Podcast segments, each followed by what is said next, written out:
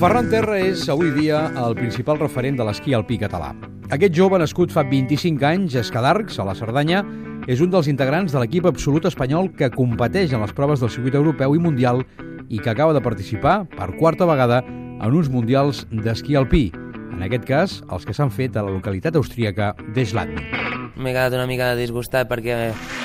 ho podia fer bé i estava, estava esquiant bé, però bueno, he tingut una mica de mala sort i, i una mica de, de fallos i bueno, he, he fallat a les tres carreres, m'he caigut a les tres i ha sigut pues, una mica una llàstima, però bueno, ara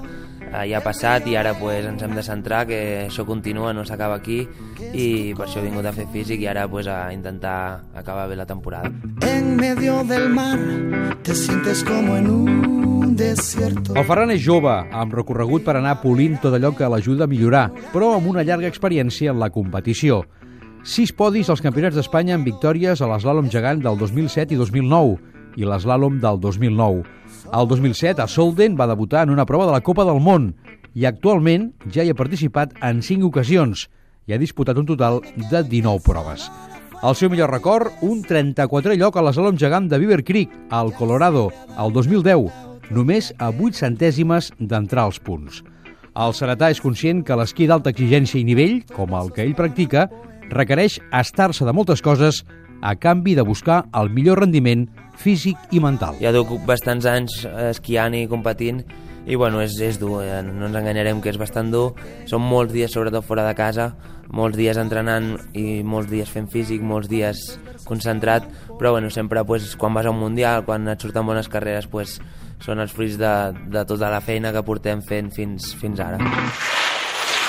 Ara, la situació de precarietat econòmica mundial no dona l'esquena al món de l'esquí, que també ha rebut l'impacte de les retallades. És per això que calen fórmules imaginatives que permetin rendibilitzar al màxim tots els projectes i el procés d'aprenentatge, buscant, això sí, que l'esportista d'elit, com el cas del Ferran Terra, no en surti perjudicat. Ens ha agafat la, la crisi que està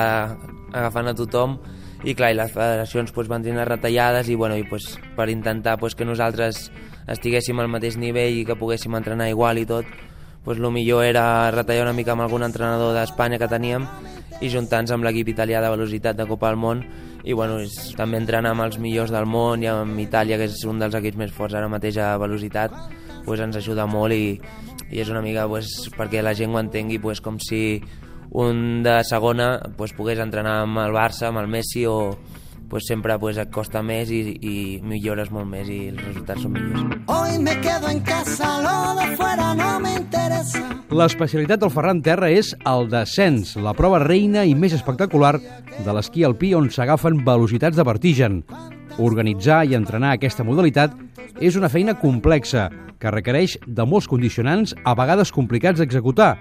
la seguretat, tenir una pista adaptada, un descens i tancada al públic i bones condicions de neu són eines indispensables. A nivell competitiu, Ferran Terra explica com s'ha d'estar abans d'afrontar un descens. Has de tindre una mica el dia que et surti tot perfecte, sobretot la línia que traces, clar, vas molt ràpid, si fas un metre més a baix doncs poder ja, ja agafes una mica més de temps, però és una mica doncs, la posició de velocitat i clar, ja agafem pues ara en el descens de Wengen a Copa del Món van agafar 161 km per hora, clar, són molta velocitat que, i que et pots trobar amb molts problemes i has d'estar de, molt atent, molt concentrat, mai tindre-li por, però sempre molt de respecte perquè és, és algo que vaig amb molta adrenalina. No hay mejor lugar que entre las nubes de tu pelo. Ara, amb l'objectiu fixat a fer un bon final de temporada, el Seratà té a l'horitzó preparar-se a fons per la gran cita olímpica de l'any que ve a Sochi, on anirà a un Jocs d'hivern per segon cop. Una cita només reservada als millors, una cita clau per ampliar el currículum, i uns quants anys després, la possibilitat d'uns Jocs catalans, els de Barcelona Pirineu 2022, una opció que defineix el nostre convidat d'avui. Fer uns Jocs Olímpics a casa pues, ja seria, seria algo espectacular. Que jo hi pogués continuar, pues, si, si jo arribés a, a Barcelona 2022, seria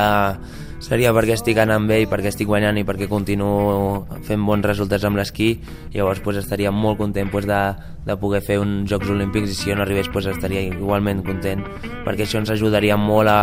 a potenciar més el, el nostre esport i que la gent pues, coneixés més del nostre esport i que ens seguís, ens seguís més amb el nostre esport. Cuántas flores para un ramo, cuántos versos para un poema.